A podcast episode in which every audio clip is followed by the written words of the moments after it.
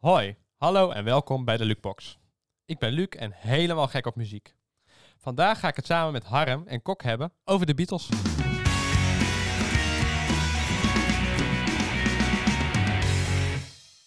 Zo, een nieuwe aflevering. En we hebben een gast. Ha Luc, ha Hey Harm. Kok, Hoi, welkom. dankjewel. Fijn om er te zijn. Vandaag gaan we het hebben over de Beatles. Nou, Beatles, ja, daar kan je heel veel over vertellen. Het is een, popgroep uit Liverpool die actief is eh, geweest eh, vanaf 1960 tot ongeveer 1970, ongeveer 10 jaar. In die tijd hebben ze ongeveer 12 LP's eh, opgenomen, dus vinyl, later uitgebracht op CD, 13 EP's en 22 singles. Dus een enorm oeuvre aan liedjes.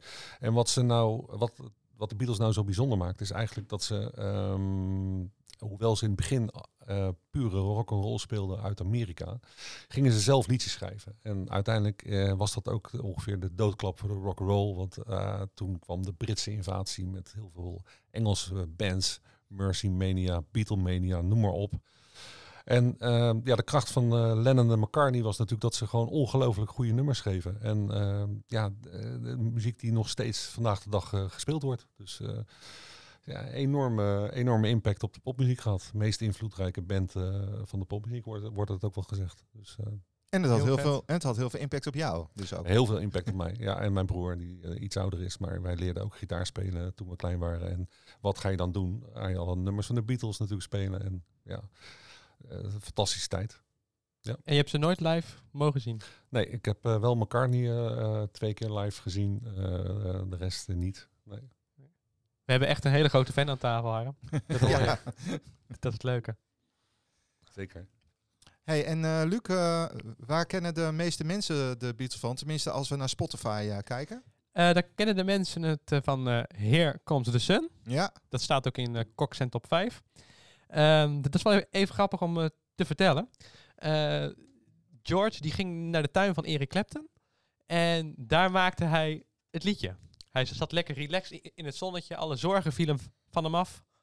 En toen schreef hij dat nummer. Ja. Dus, eh, Ja, goed. dat is eh, wel heel bijzonder. Dat klopt helemaal. Ja. ja. het mooie om, om daar even nog op door te gaan. eh, dat, dat is inderdaad het start geweest van dat, van het liedje. Ehm, Harrison was ook een beetje klaar met al die, al die eh, rechtszaken en advocaten en bankiers die eh, eigenlijk de, de, de tijd opslurpten van eh, de Oh ja. creativiteit. dus hij was helemaal klaar mee. En het voelde als spijbelen, zei hij ook. Dat hij daar met zijn vriend Eric Clapton dat nummer ging schrijven. maar ik vind het ook wel grappig dat, je, dat hij gewoon bij Eric Clapton de tuin binnen Ja, ja echt het- alsof dat Toch? gewoon Ja, normaal ja. is.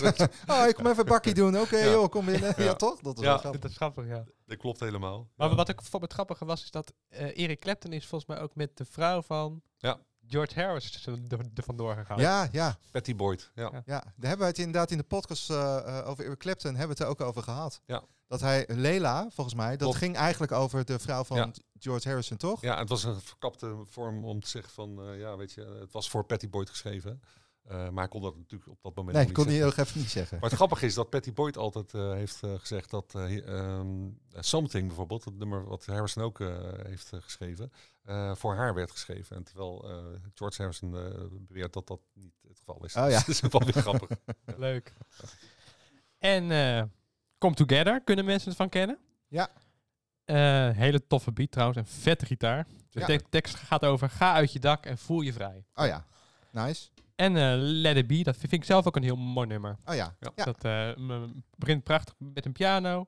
En later is er nog een mooie gitaarsolo. En het gaat eigenlijk over ja, loslaten en acceptatie van dingen in het leven. Zeker. Ja, Ja. Ja. prachtig nummer. Maar voor dat we, we het gaan hebben over de hoogtepunten, zijn er ook altijd wel dieptepunten. Ik weet niet of je een dieptepunt hebt. Er zitten ook wel eens nummers bij waarvan ik zelf denk, of misschien ook wel heel veel anderen. Ja, het is leuk, maar het is niet meer dan een liedje. En, eh, nou, en wat ik zelf bijvoorbeeld vind is Opla die, Opla da. Heel veel mensen kennen het. Eh, iedereen, als je zegt Beatles, oh, Opla die, Opla da. Dus wat dat betreft zijn ze geslaagd in hun missie om commerciële muziek te maken. Maar eh, het, mooie, voor, mooie verhaal is dat Lennon het verschrikkelijk nummer vond. Terwijl McCartney het ongeveer geschreven had. omdat hij vond dat het een beetje een nonsens tekst was. een beetje rijmelarij. de simpele melodie. maar goed, ehm, mooie... McCartney die werkte met een, met een studiomuzikant en die, die had die zin bedacht ooit. Opla die, Opla da, Life Goes On. Ehm, en dat heeft hij gebruikt. En eh, eh, ja, enorm bekend nummer geworden. Maar nogmaals, Het pakt je niet. het, nee, het, nee, het is niet echt heel erg Beatle, eh, wat is, zoals ik eh, graag naar de Beatles luister. Nee, niet duidelijk. Beatle onwaardig, vond je Nee. het, hè? Eh, ja, het, het, het- het- ja, als je het mag vergelijken met de rest, dan eh, staat dat ergens eh, ja, toch, toch niet hoog in mijn eh toplijst. Nee, dat is helder. Nee. Maar nu gaan we naar de hoogtepunten. Yes. Welke liedjes heb jij allemaal in je top 5, top 7? Ehm, ja, ik we, had- zaten, we zaten een beetje te Nou ja, waar, waar we het hadden over bijvoorbeeld eh, eh, meaningful lyrics. Dus gewoon echt een bekende eh, songs met een mooie teksten. Ja, In My Life is gewoon een goed voorbeeld van een Lennon-exercitie. Waarin hij zeg maar zijn jeugd beschrijft en de landmarks of de plekken van Liverpool waar hij is opgegroeid. Waar hij zijn liefdes had en zijn kennissen en zijn vrienden. Ja, het is echt een En hele melancholi- eh, melancholische tekst, hè? Prachtige tekst. eh Lennon McCartney ook weer samengewerkt eh, tot, tot later, laat in de tachtige jaren. Of tenminste, Lennon is natuurlijk 80 eh, eh, vermoord. Maar goed, in die tijd speelde dat nog wel steeds van wie schreef nou wat. Weet je wel? Dat, Oh ja, ze ja. claimden allebei wel een beetje hun rechten. Maar Lennon schreef natuurlijk wel, wel deze tekst. Ehm, eh, wat er nou precies is geschreven en door wie, dat, eh, dat, daar zijn ze het nog niet over eens. Maar het is een prachtig nummer. En ehm, er zitten hele mooie verwijzingen in naar Liverpool als je daar uitkomt. eh, ja, en eh, de, de, de vriendschappen die Lennon daar had, dat wordt op een prachtige manier beschreven. Ja.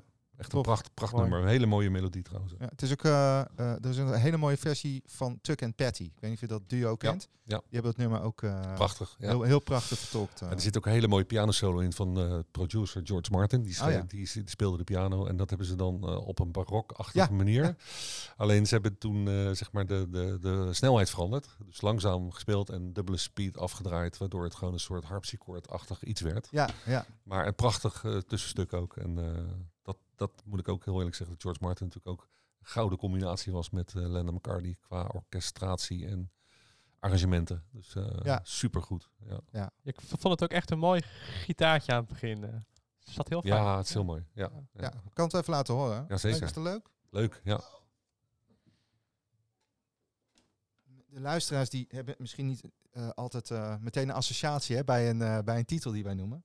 Dus dan is het soms leuk om even een klein stukje te spelen, zodat mensen weer denken, oh, dat liedje, nou weet ik het weer, weet je. Ja.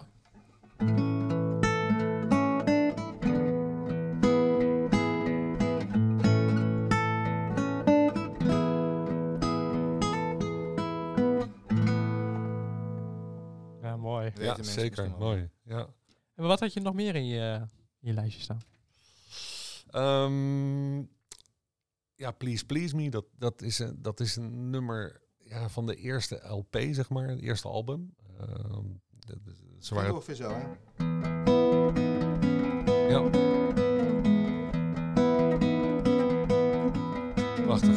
Mooi dat je dat- ook zo speelt met die eh, doorklank erin. Want dat was ook wel een van de vondsten van Lennon en McCartney. Dat, dat McCartney de hoogste toon bleef zingen. Ja. En Lennon de melodie naar beneden liet zakken. Ja. En oorspronkelijk had hij een nummer willen schrijven in de stijl van Roy Orbison. Wat Oh ja? een eh, enorme grote uh, popidol eh, was. En Lennon had een heel langzaam zeg maar geschreven. Dus een heel een soort ballad. Ja? En George Martin, de producer, die luisterde er- ernaar en zei: Jongens, eh, dat is een prachtig, ja, goed, goed, goed nummer. Alleen het is te langzaam. Speed it up. Eh, had hij niet verwacht dat ze dat gingen doen. Maar de volgende dag kwamen de jongens terug in de studio en hebben een snelle versie gemaakt. En eh, dat was gewoon een, nummer met enorm veel impact. Eh, het is ook een, eigenlijk een eerste nummer één hit.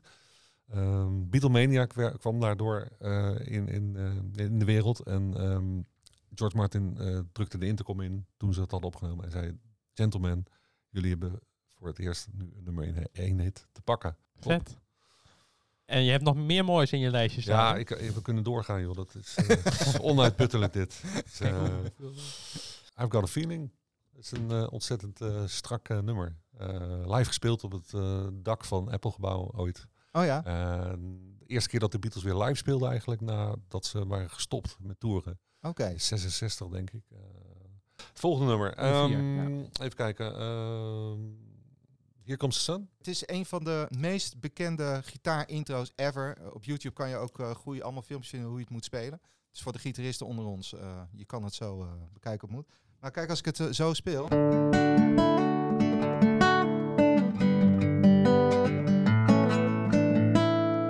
Dan klinkt al eigenlijk wel heel mooi. Ehm, maar ehm, wat, wie was de gitarist die het speelde? George. George speelde het, Ja. hè? Hij heeft het ook geschreven. En die had bedacht van, ik ga het niet zo spelen, maar zo. Dus hij zet een capo helemaal op de zevende fret, wat best wel hoog is op een gitaar.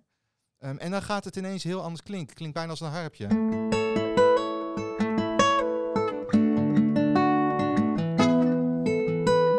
Veel melodieuzer. Ja, ja, ja prachtig. ja, het, het, het- Zo gaat het helemaal eh, open. Klinkt die Het gitaar ook ineens Klopt helemaal heel wat je zegt. Dit kun je ook niet anders spelen dan zo.